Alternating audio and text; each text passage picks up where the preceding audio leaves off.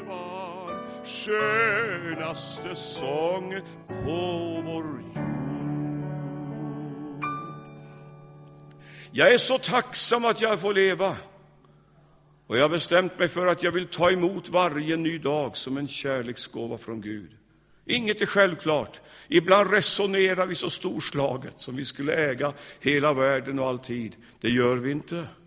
Det är ganska sköra trådar. Och slöjan liksom till den eviga världen är tämligen tunn. Och ibland blir man påmind om det. Jag har ju haft en god hälsa hela livet. I vintras, förstår ni, alldeles efter nyår, så trodde jag att jag hade fått influensa. Jag kände mig så krasslig och jag fick febertoppar. Och så är man kar och så har man aldrig så mycket att ligga på sjukhus. Frun hon var orolig, men jag sa det är ingen fara, det är influensa, det ordnar sig. Tills jag fick över 40 grader och jag en morgon inte var kontaktbar längre. Och så kom jag in till, och då kom ambulansen. Och det, personalen där fick, blev väldigt stressade för de skulle ta blodtrycket. Våra, våra apparat, vår apparatur fungerar inte, sa de. Jag hade inget blodtryck, det var i stort sett nere på noll. Och Det visade sig att jag hade fått en, en, den allra mest brutala form av blodförgiftning. En sån här chock. Och så kom jag in alldeles för sent. Och då säger en av, av experterna på IVA i Örebro, statistiken den säger att du borde inte ha klarat dig. Så var det. Jag vet ingenting om nio, tio dygn. Jag har bara fått veta efteråt att alla mina älskade barn, fast de bor runt omkring i Sverige, de tog ögonblickligen ledigt från sina arbeten och stod runt pappa i, i nio och tio dygn, höll varandras händer och bad stilla, ibland bara Gud som haver. Ja, det är väl inte bara. Och efteråt förstod jag att det hade hänt något så varmt och starkt i vår familj. Ibland så kan vi tillsammans få gå genom lite djupa dalar och, det, och vi får även ta ut välsignelse ur de upplevelserna. Ja, då jag hade vaknat till lite grann och jag låg på ständig dialys för min enda njure var helt utslagen bland annat. Då då får jag rapporter genom min son som är ute på, på, på Facebook och, på, och, och så vidare och sköter mina kontakter. Jag får höra någonting som är så oerhört starkt. Att runt hela Norden har en bönekedja skapats för lilla mig.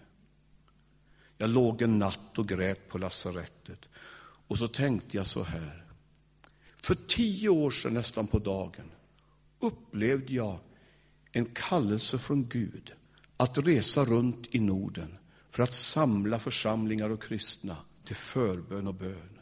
Och det har varit så starkt för mig. Jag har försökt vara trogen den kallelsen. Och så tänkte jag den där natten. Jag har försökt, jag har försökt. Men då inte jag orkar försöka något mer och då alla krafter är slut och jag ingenting kan, jag kan inte ens röra på handen, jag är helt hjälplös. Då kommer bönerörelsen. Och man låg väl där och gnolade kanske när allt vad jag ägt utav mod synes vika, när kraften är tömd fastän dag är slut, när vi har nått botten av tillgångar egna, vår fader då endast begynt att ge ut. Ja, det var en kamp på liv och död, det var det verkligen. Och så var det så här, att en måndag, min fru är ganska jordnära, och inte så där väldigt liksom så här fladdrig. En jordnära eh, och klok människa. Hon sa till mig, tittade på mig och sa Ingemar, jag känner att något händer i din kropp idag. Sa hon. Och så åkte jag på dialys igen där i sjukvagnen. Och, sen, och då fick jag höra, förstår ni, att fyra församlingar hade samlats i Uppsala i den gamla stora baptistkyrkan där jag är varje månad, har varit i fyra år.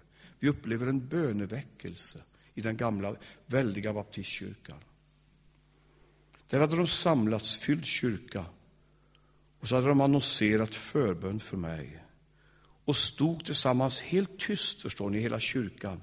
Stod och höll varandras händer. Pastorer där framme stod tillsammans och helt tyst, bara alla liksom viskade Jesu namn över min situation. Samtidigt med det, det var en tisdagkväll, samtidigt ringde det på och, och en man fick tillåtelse att komma in på mitt rum. En före detta kåkfarare. Gud använder nämligen vem han vill. Barnhemsunge med problematik och droger och elände. Honom sände Gud. Och så kommer han och, och kommer in till mig och säger, ja, jag har bara hört att du är lite krasslig, sa han. Och då jag bad i morse så sa en röst till mig, du ska åka till Ingmar och lägga din hand på hans njure. Så kommer han in där, före detta kåkfararen, och lägger sin hand på min njure. Och ber en tyst bön. Sen kommer nästa morgon med dialys på nytt igen. Då kommer chefsöverläkaren springande med papper i handen. Sätter sig på min säng med uppspärrade ögon och säger Ingemar, alla dina värden har vänt. Ja, ja, ja. Alla dina värden har vänt. Och så sa hon så här, hon tittade på mig. Kan vi komma överens om följande, sa hon. Nu håller vi tummarna du och jag. Det var väl trevligt sagt. En, en riktigt vänlig, fin doktor. Nu håller vi tummarna du och jag. Jag kör för det, sa jag. Men jag har legat här och inte haft så mycket för mig. Jag har plockat med mina händer, sa jag. Och jag har upptäckt att jag har fler fingrar än tummarna. Så jag tänkte, sa jag, att vi kunde hålla alla fingrarna. Och då jag gjorde det och lyfte upp händerna så här, det var många på salen, det blev alldeles tyst. Sköterskorna stannade upp, alla tittade. Och jag kände att jag fick mitt tillfälle då. Och så sa jag, du vet ju doktorn, sa jag, att jag är en kristen. Och så talade jag lite ovanligt, onödigt högt för att alla lyssnade ju. Och det är ju så här, sa jag, att sedan jag var 14-15 år har jag försökt på mitt enkla sätt predika evangeliet. Det är mitt liv och jag tror på det.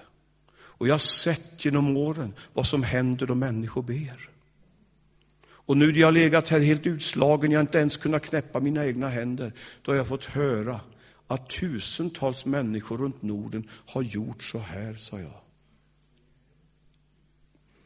Och så skulle jag köras tillbaka till mitt rum, så sa jag att, eh, och hon sa att eh, prognosen nu, sa hon, det här att det är din sista dialys. Om det här håller sig så är du snart hemma. Och då sa jag, då vill jag ta tillfället i akt och, och ta dig som representant för alla läkare som har kämpat för mitt liv. För det hade de gjort. De sa till min familj, vi tar minut för minut, sa de. Så jag vill ta dig som representant och säga tack för att ni har kämpat för mig. Och om jag orkar har jag en önskan till, sa jag. Jag skulle vilja göra en resa genom Norden och trycka alla deras händer som har gjort för, så här för mig. Och tro det eller ej, ni som lyssnar på mig, då kämpade chefsöverläkaren med, med gråten. Och så sa hon, jag behöver inget tack, sa hon.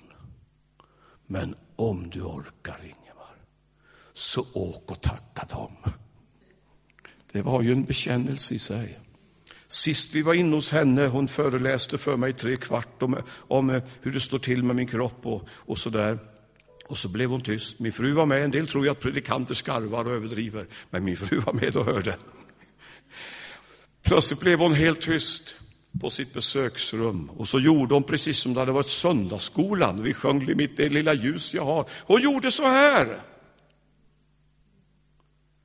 Och så tittade hon mig rakt in i ögonen och sa, du måste förstå, du får aldrig glömma att det var någon som ville att du skulle leva, som min läkare på regionsjukhuset. Ja, det händer ju någonting. Mycket blir väldigt annorlunda. Om man känner att det blir så dyrbart och livet blir så, livet blir så angeläget. Jag är så lycklig att jag får fortsätta och predika och sjunga om Mästaren. Min Gud tillhör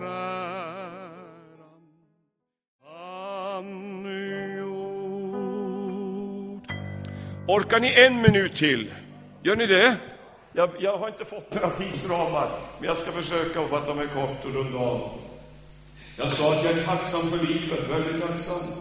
För om sanningen ska fram, så var det oerhört nära att min stund på jorden hade slutat. Jag var nästan på dagen tre år, tre och ett halvt år.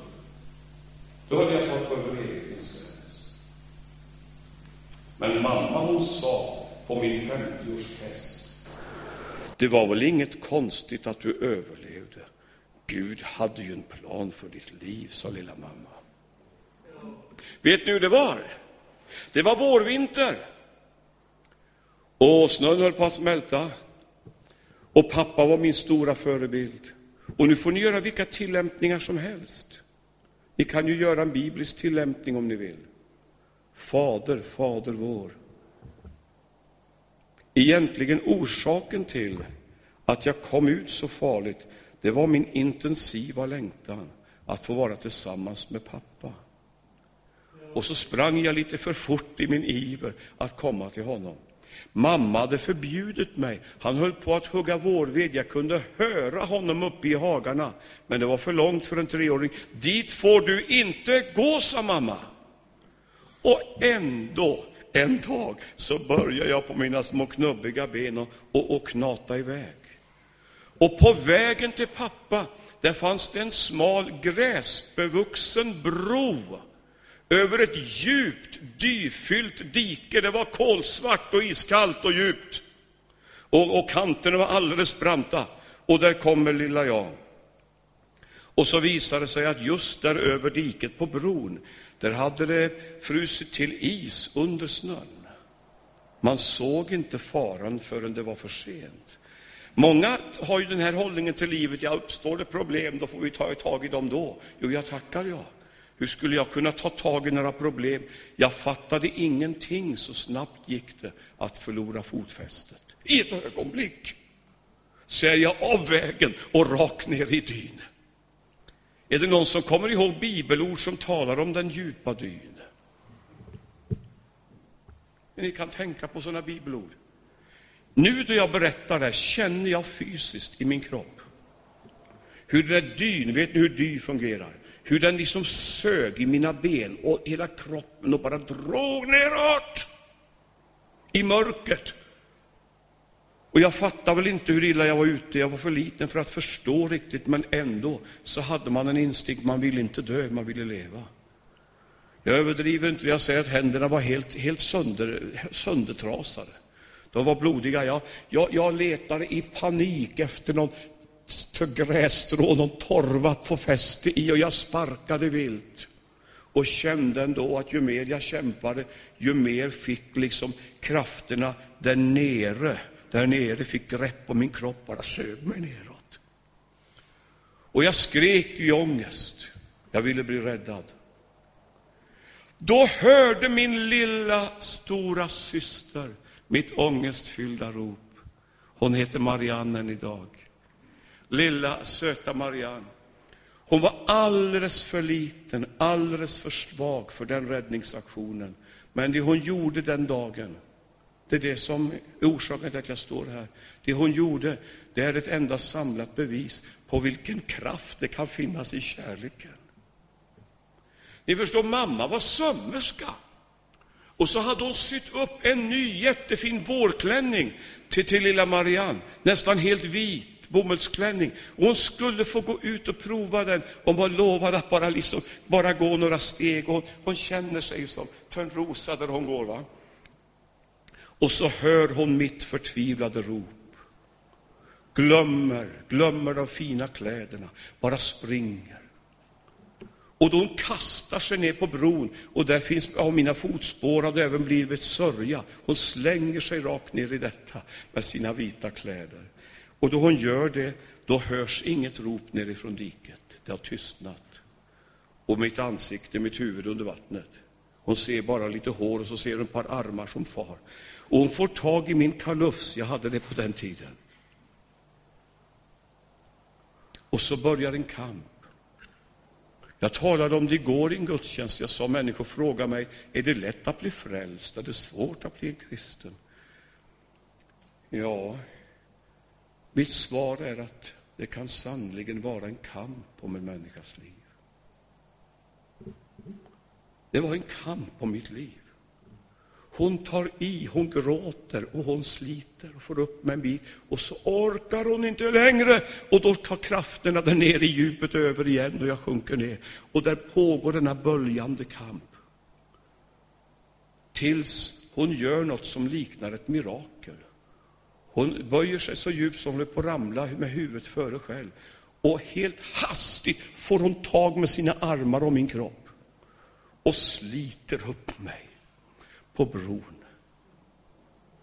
Och där står jag, jag är i chocktillstånd, jag fryser, jag är kolsvart. Jag luktar dy. Jag skakar och gråter. Vet ni vad hon gjorde då? Då la hon sin arm om mig, fast hon hade sin vita klänning. Och jag var så smutsig, så la hon sin arm om mig. Och kan ni tänka hur det är med livet?